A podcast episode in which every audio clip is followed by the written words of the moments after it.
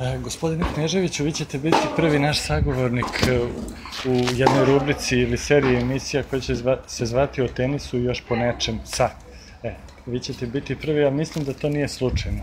E, evo da ukratko samo predstavim našim čitavcima, vi ste e, poznati privrednik i vlasnik uspešne kompanije Modus, koja se bavi tekstilnom proizvodnjom i ima veliku fabriku i u Pančevu i brojne prodavnice i a istovremeno ste i veliki zaljubljenik u tenis, teniski radnik, znači potičete iz, do, došli ste iz Bosne i Hercegovine gde ste se takođe bavili tenisom, pa možete, a, a pričamo u teniskom klubu Đukić, a, gde ste ovaj, zapravo u svojoj kući i tu Ovaj, ako možete da objasnite za naše čitaoce uopšte vašu ljubav prema tenisu i kako ste se, eh, odakle potiče i, i ta istorijat vaše eh, uloge u tenisu. Moj ulazak u tenis je bio pre desetak godina kada je sin počeo profesionalno, u stvari 20 godina, kada je sin počeo da trenira tenis, a onda sam ja pokušavao da osmislim jednu matricu upravo ta koja je oko tenisa. Neretko ljudi gledaju izdvojeno samo tenisku igru, bilo da se radi o takmičenju ili treningu, ne shvatajući kolika je matrica pokrenute energije okolo samo, oko samih igrača. Znači, igrači na svojim grbačama nejak, nejakim nose i roditelje, i klub, i plaćanje, i materijalne uslove, i psihološka opterećenja, hiljadu stvari, i ja imam običaj da ih nazovem da su oni mali rudari koji svakodnevno rade 3 do 4 sata. Neretko se upravo ta teniska matrica koja je oko same teniske igre dominantnija i presudnija za teniske rezultate nego sam trening. Hiljade su izuzetnih talenata stali na 16 ili 18 godina kad je potrebno 100.000 evra da vi ispratite dete i, i zamate da, u profesionalni turnir. I onda sam ja pokušavao da razvojim dve stvari u tenisu. Jedan je taj profesionalna vertikala koja je tačno zadata, jedan kod koji moraš ispoštovati ukoliko hoćeš da sebe proveriš u profesionalnom tenisu, ali sam više insistirao na varijanti šta ako nije profesionalni tenis. Znači mi moramo sačuvati dete kao ličnost, moramo sačuvati psihu, moramo mu omogućiti da od tenisa može da živi kao znači, da ima i druge animator, kao trener, kao pijat. I ja sam u Preder bio predsednik kluba i imao sam 360 dece u teniskoj školi besplatno. To je dakle do, doktor Mladen Stojanović klub. Jeste, jedan da, da, od vrlo... klubova koji je prošle godine proslavio 95 godina igranja tenisa. Mm -hmm. Znate, to je bio aristokratski sport u vreme Mladena Stojanovića. I ja sam finansirao sve te teniske škole, a onda smo imali par sadržaja pokušavajući sociološki da izgradimo tu decu kao buduće zrele ličnosti. Recimo, vežbali su da se služe escajgom, naravno kroz šalu. Mhm. Potom su im glumci iz pozorišta demonstrirali kako se obraća ljudima, kad im se kaže pardon, kako mhm. upadaš u reč, kako se ponašaš prema nekom koji je s tobom u društvu. Svi su obavezno prošli školu računara besplatno i svi su prošli besplatnu školu engleskog jezika. Još u ono vreme, da, da. ja sam roditeljima tad njih To su 90. godine, da. Jeste. Rekao sam im u, u pozorištu na tom centralnom roditeljskom sastanku, ne, a vaše dete jedno od 15 miliona dece koja u jednom godištu u svijetu počnu da se bave tenisom Njih milion i pol konkuriše samo za jedan bod da bi bili 2000 na ATP listu. Put do toga je jako neizvestan, jako dug i ni, nijedno od vaše dece neće zarađivati kao profesionalni tenise ako nemate 200.000 tadašnje maraka da u njega uložite sa 16 godina i da bude jedno u odnosu na 2 miliona koje će napraviti rezultate. Ali će biti bolji ljudi, inteligentniji ljudi, imaće fizički izgled bolji, imaće razvijenu inteligenciju prostornu, bit će deca koja će biti sklonjena sa ulice, bit će deca koja će znati reći dobar dan kad uđu, bit će deca psihološki ojačana, očvrsla pod pritistima takvičenja i to je dobit koju ne može dobiti maltene u jako malo drugih sportova. Tako da je taj moj odnos prema tenisu u, u, u kojem sam pokušavao više da upredem te, te neke pedagoške metode u, u obrazovanje djece kao ličnosti, nego samo taj nemilosrdni tenis koji se neretko zasniva na potpunoj vulgarizaciji novca. I možete biti najveći talent na svijetu, ako vi nemate da ispratite dete sad na ekti ili bilo kom turniru, ne vredi. Da. E sad, e, vi ste onda došli u Beograd i poslovno i u onim ratnim prilikama, znači 92. godine, i u, bili ste jedan od osnivača teniskog kluba AS. E, to je zajedno sa Sedom Derviševićem i tako. Jeste, e, da, Pajom Tipsarevićem, Đoletom Jovanovićem. Da, vi to ba, I teniski klub AS je bio prvi nukleus profesionalnog tenisa. To su znači 90 i ko, koja godina? godina, treća. I Još nije, da, da, da. Zašto Srpski je tenis je po teniski Bobi klub bio. da. vas dao celi, celu plejadu izuzetnih takmičara, zaista od Janka Vidojkovića, Grubina, Ane Jovanović. Sve su to deca bila koja su napravila vrhunske rezultate, čak i u svetskim okvirima. E, teniski as je, klub as je bio jedan fenomen. Ovo je bila jedna grupa dipovaca, Potom je i Sead bio čovjek vrhunske organizacije, ne mešajući se mnogo u stručni deo tenisa, a onda smo i mi tu bili okolo da malo i materijalno pomognemo. Sjećam se kad je Vojislava Lukić prvi put trebala da ide na ETA turnir, niko nije znao da ispravi, ispiše formular. Niko nije znao kako se piše prijava. I onda su Janko i o, o, oko njega svi ti vrhunski zaista igrači, Pokana Ivanović, svi su oni u stvari prokrčili prvi put e, takmičarskom tenisu.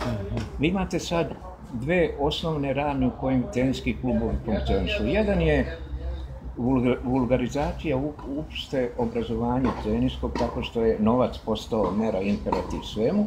Imate jedan deo ljudi, romantičara koji još uvijek ganjaju neki takmičarski tenis, neki kvalitetan tenis, jednu pravu predstavu i takav klub je bio zaista 11. april i posle njega jedan deo ovih društvenih, ja ih zovem komunističkih klubova, kakvi su Zvijezda i Partizan, koji na tuđoj imovini grade privatne interese, nikad im nije stalo da pravi profesionalnog igrača.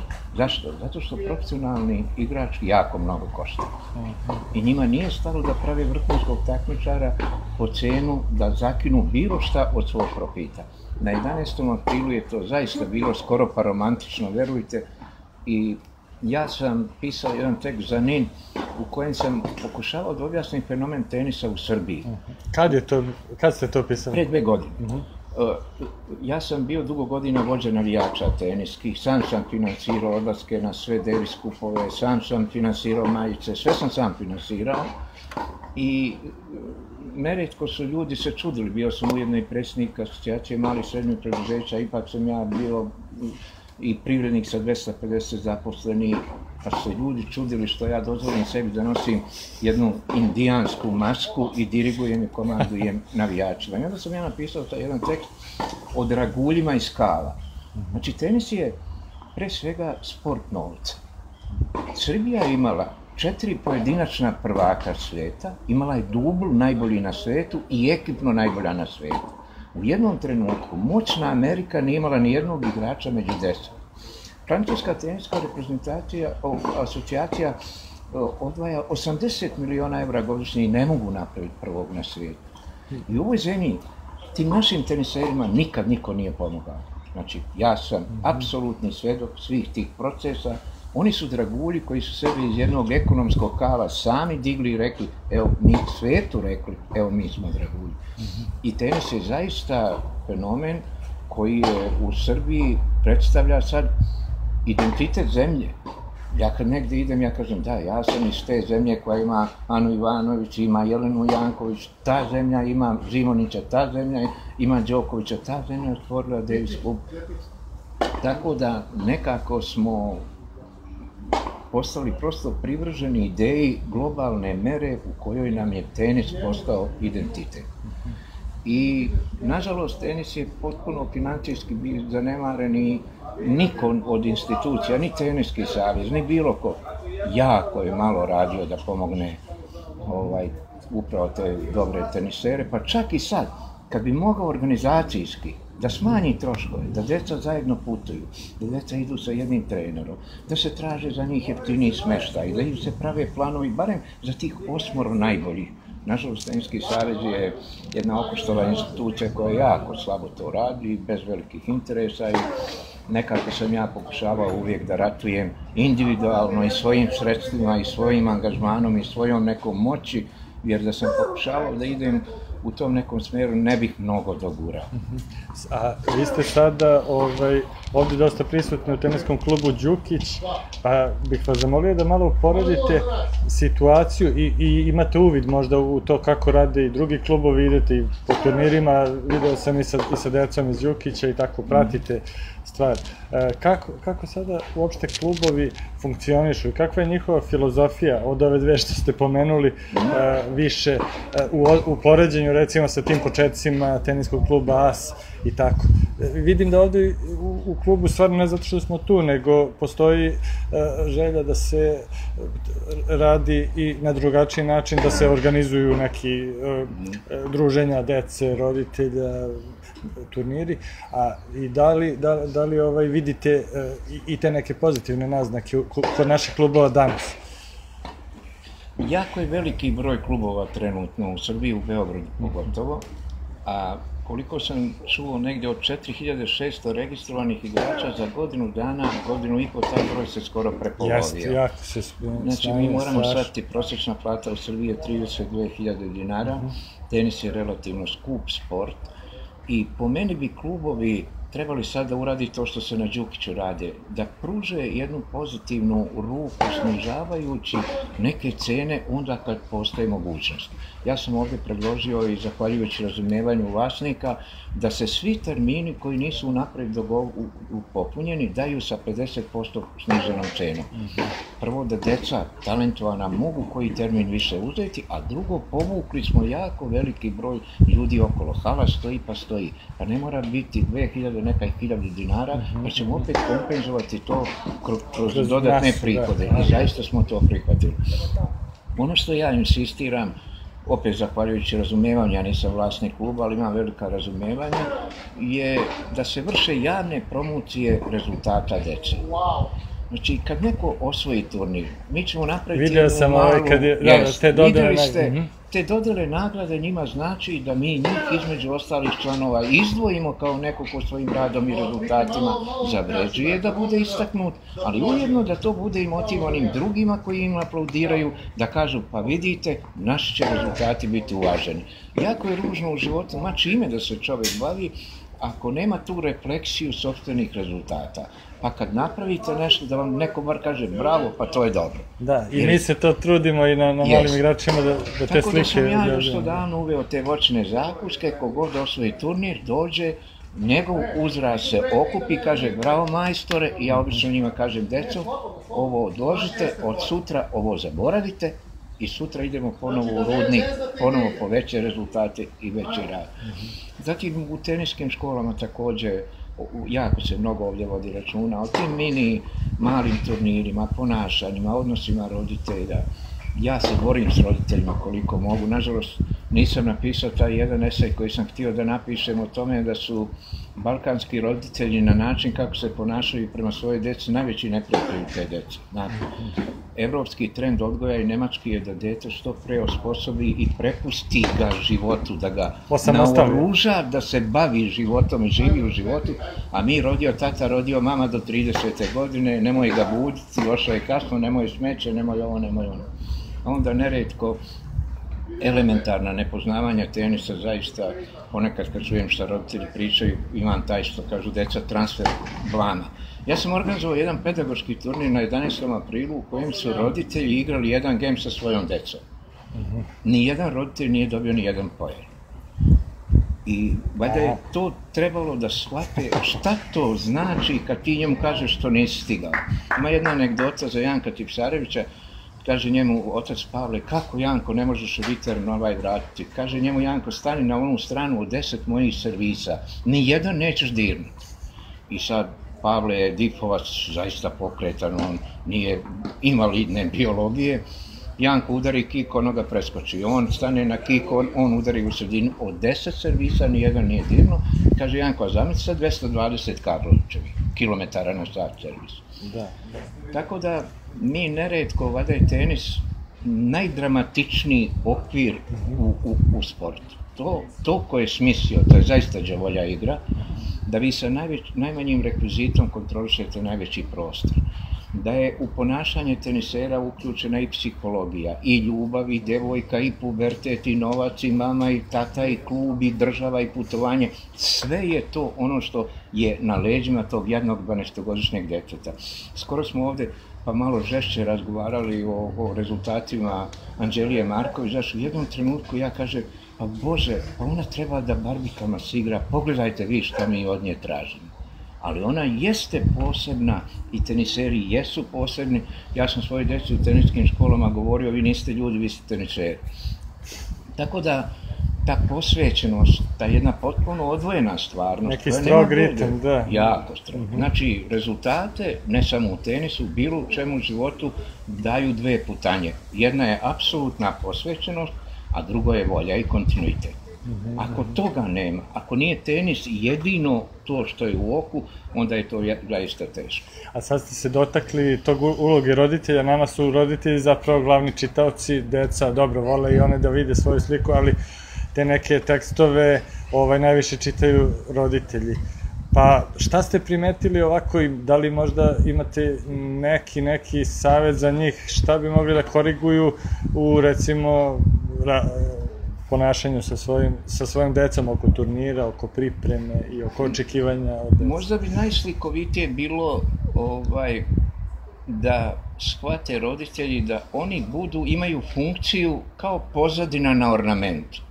Ornament je taj koji sija lepotom, sjajem i formom, ali on ne postoji bez pozadine. E, pozadina je ta koja ne može uzeti slavu ornamentu. Ona njega omogućava, ali ga ne uslovljava. Znači, roditelj treba da bude matrica svih sveukupnih podrški svome detetu, da kroz dete ne gura svoje bolesne ambicije, da shvati da je na terenu i ona je tamo u mogućnosti da pobjedi kao i ovaj, da traži od deteta da odigra idealno udarac je besmisleno da greši pedere, pa zašto ne bi grešio i on, da hiljade drugih stvari koji oni svojom logikom besmislenom neretko mada je logika smislena kategorija, ali oni besmislenim ponašanjem, pre bi se reklo, zaista mnogo više odmažu tom detetu nego što pomažu.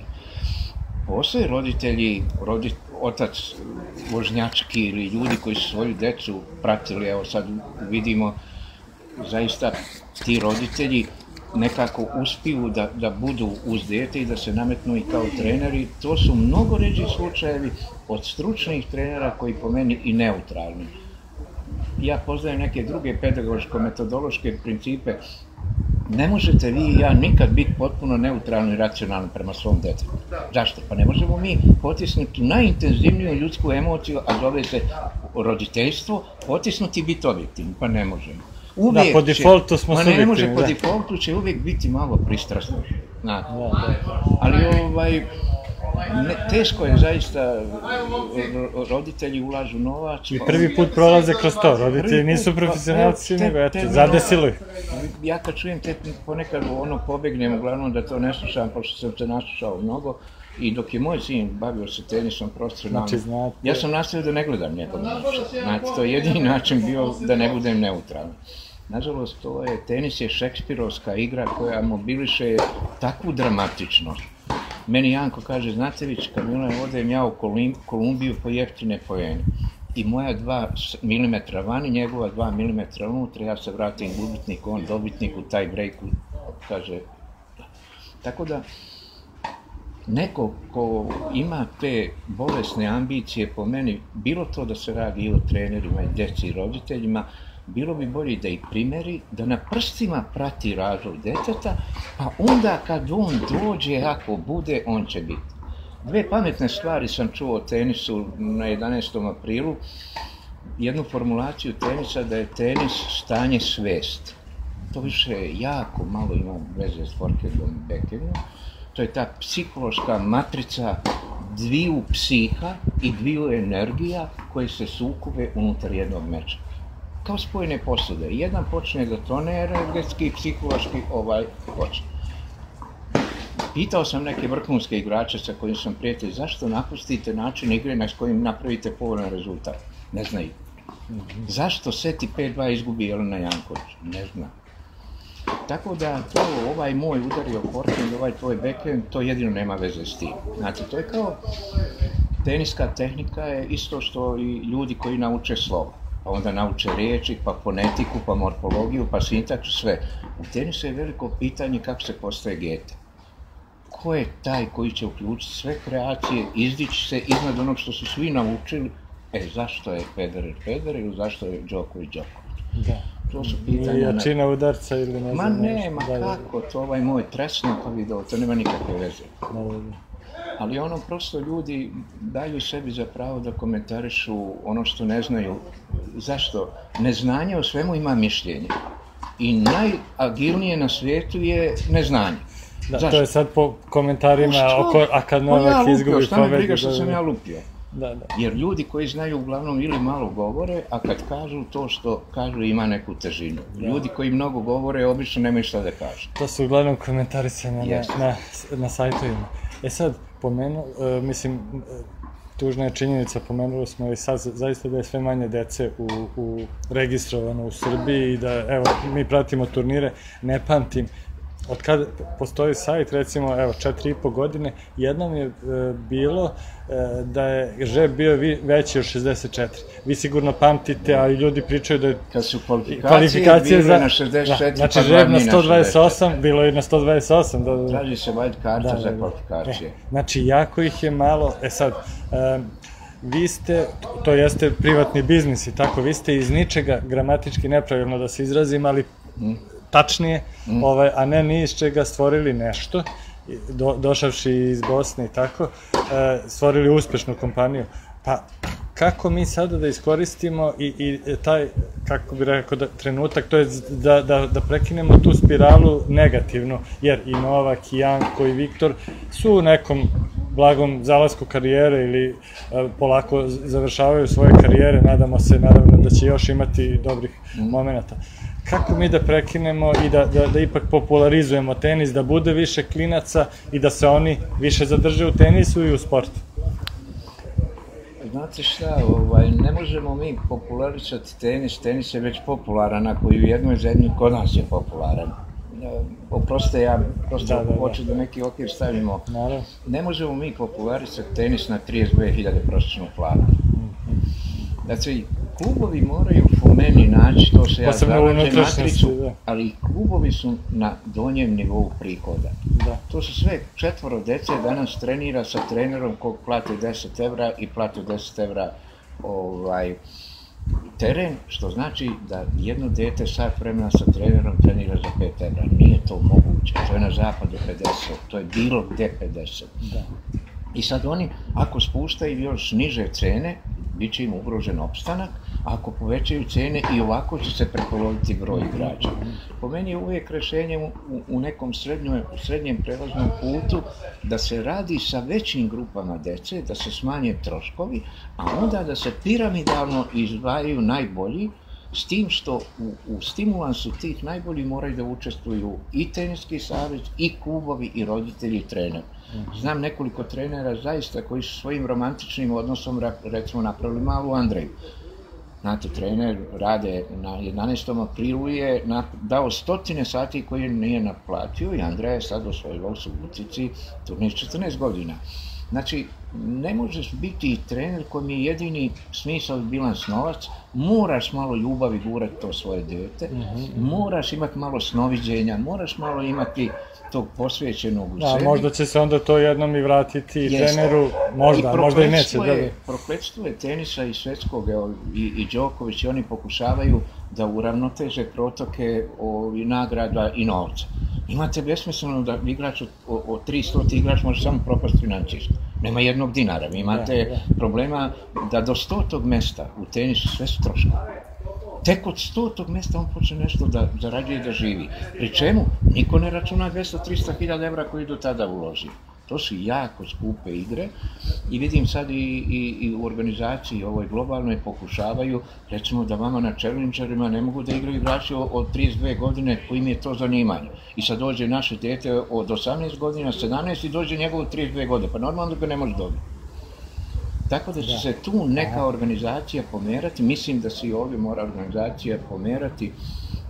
Đavoli je prelaz iz tog juniorskog u profesionalni tenis. Tad vam treba 150.000 igra, od 16 do 18.000 i moramo svi pronaći načina da zajedno putuju, da ih smestimo negde nekim uticajima, da probamo tih desetoro dece koji su najbolja u bilo kom godištu, moramo mi iza biti matrica i teniski savez i klubovi i mi roditelji. Zajedno, ajmo jedan kombi. Evo sad su mi pričali, Bugarska je napravila da jedno godište, četvoro najbolje dece putuju sa jednim kombijem, sa jednim trenerom, uopšte se ne vraćaju kući, nego odigraju pet eta turnira u nizu, treniraju preko nedelje u tom klubu, smanjili su troškove četiri puta. Nažalost, naša četiri roditelja putuju sa četiri automobila i to je onda, u net, a hoće i da vode svoja četiri trenera i onda je to... Ja da sam baš pričao u Teniskom savezu o tome, oni kažu da je problem upravo to što ste vi rekli da roditelji hoće da, moraju da putuju sa decom. E sad, dobro, tu se može napraviti možda anketa i, i, i dogovoriti sa U roditeljima. teniskom savezu je najveći problem teniski savez.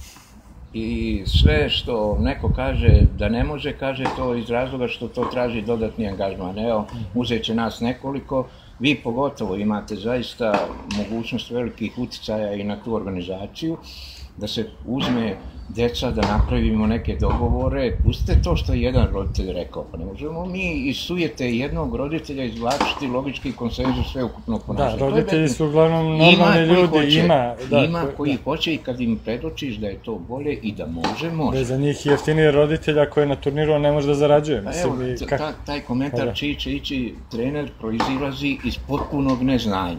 Znači, dete teniser je uvijek samo na terenu. Pa kad bi ti mogao s njim toliko upravljati kroz taktiku i ponašanje, pa svi bi bili najbolji na svijetu. Niti je više tenisa bolji tenis, niti je bolje praćenje od...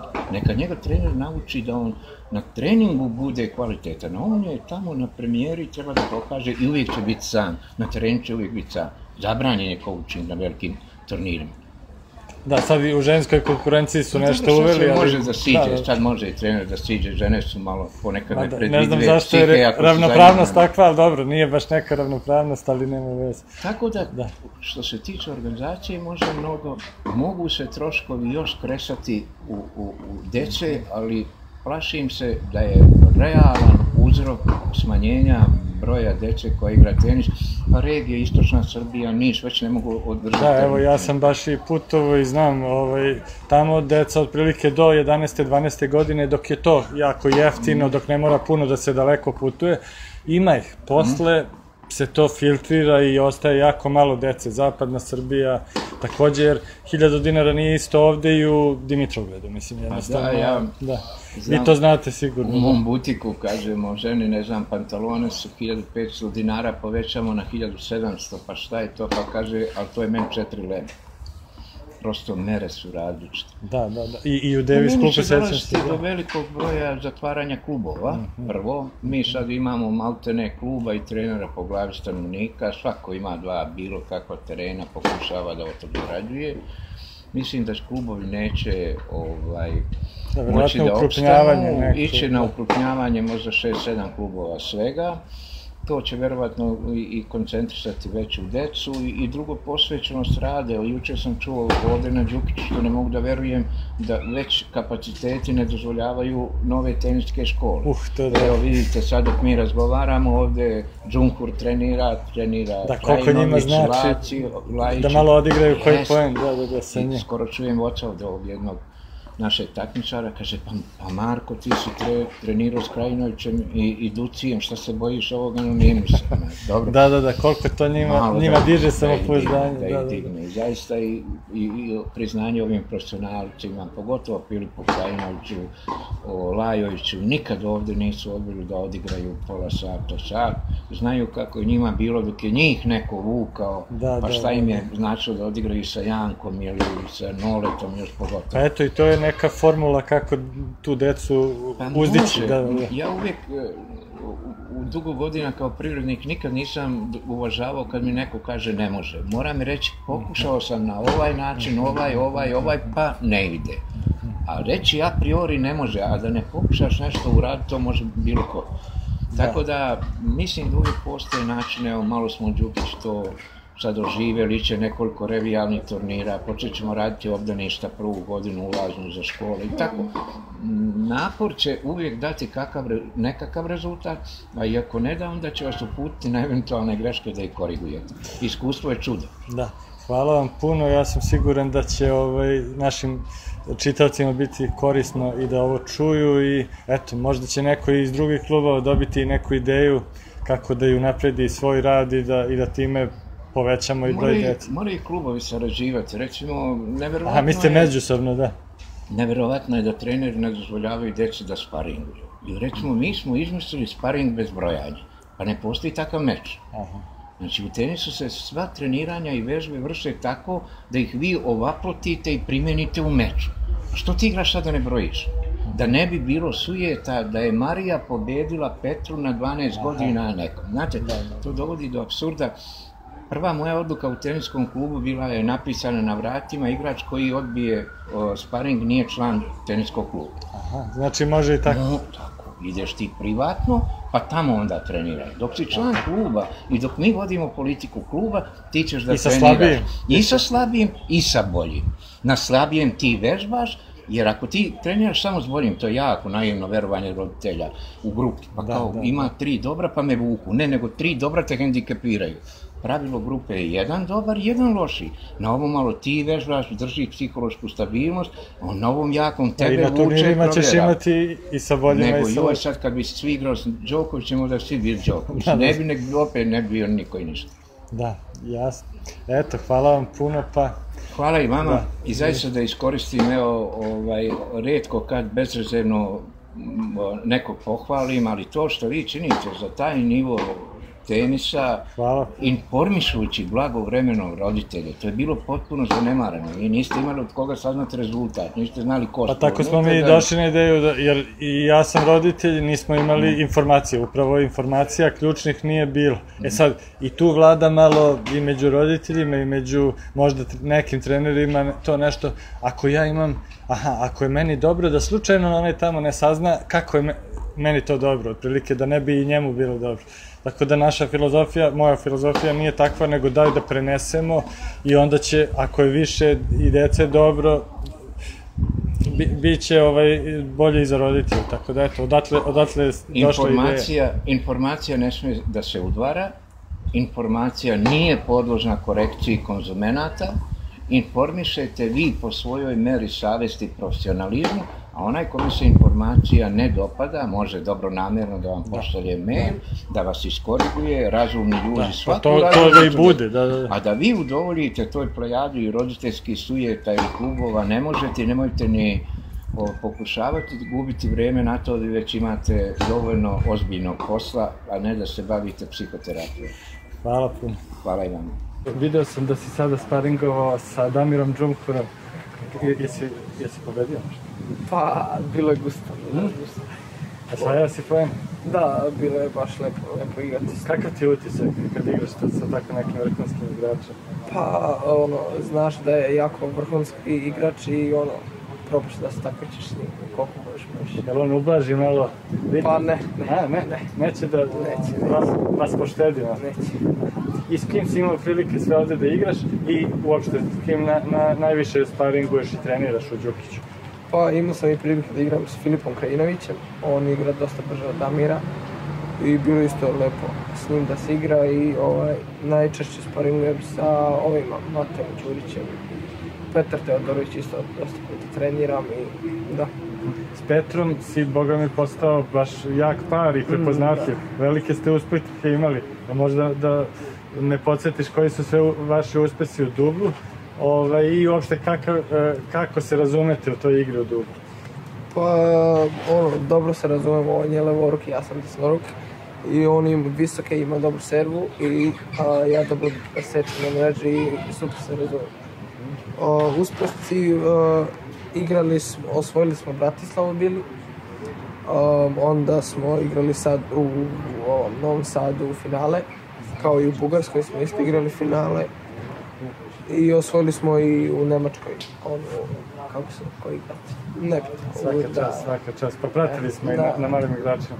A, a što se tiče tvojih nastupa u singlu, koji su bili najznačajniji rezultati u posljednje vreme? Pa u posljednje vrijeme igrao sam finale u Holandiji, a, polufinale u, u, na Malti i dva četvrtfinala u Holandiji i na Malti. I kakvi su ti planovi sad za, za ovaj letnju sezonu nastavak? Pa sad nisam puno igrao ove sezone, pa ću sad da počnem puno da igram. Igraću sad pro bijelu u Italiji, pa ću onda da pređem na Bude, Budimpeštu i onda ću opet da odem na Italiju. To znači sve 16. Da, sve što Srećno. Želim ti puno sreće. Hvala.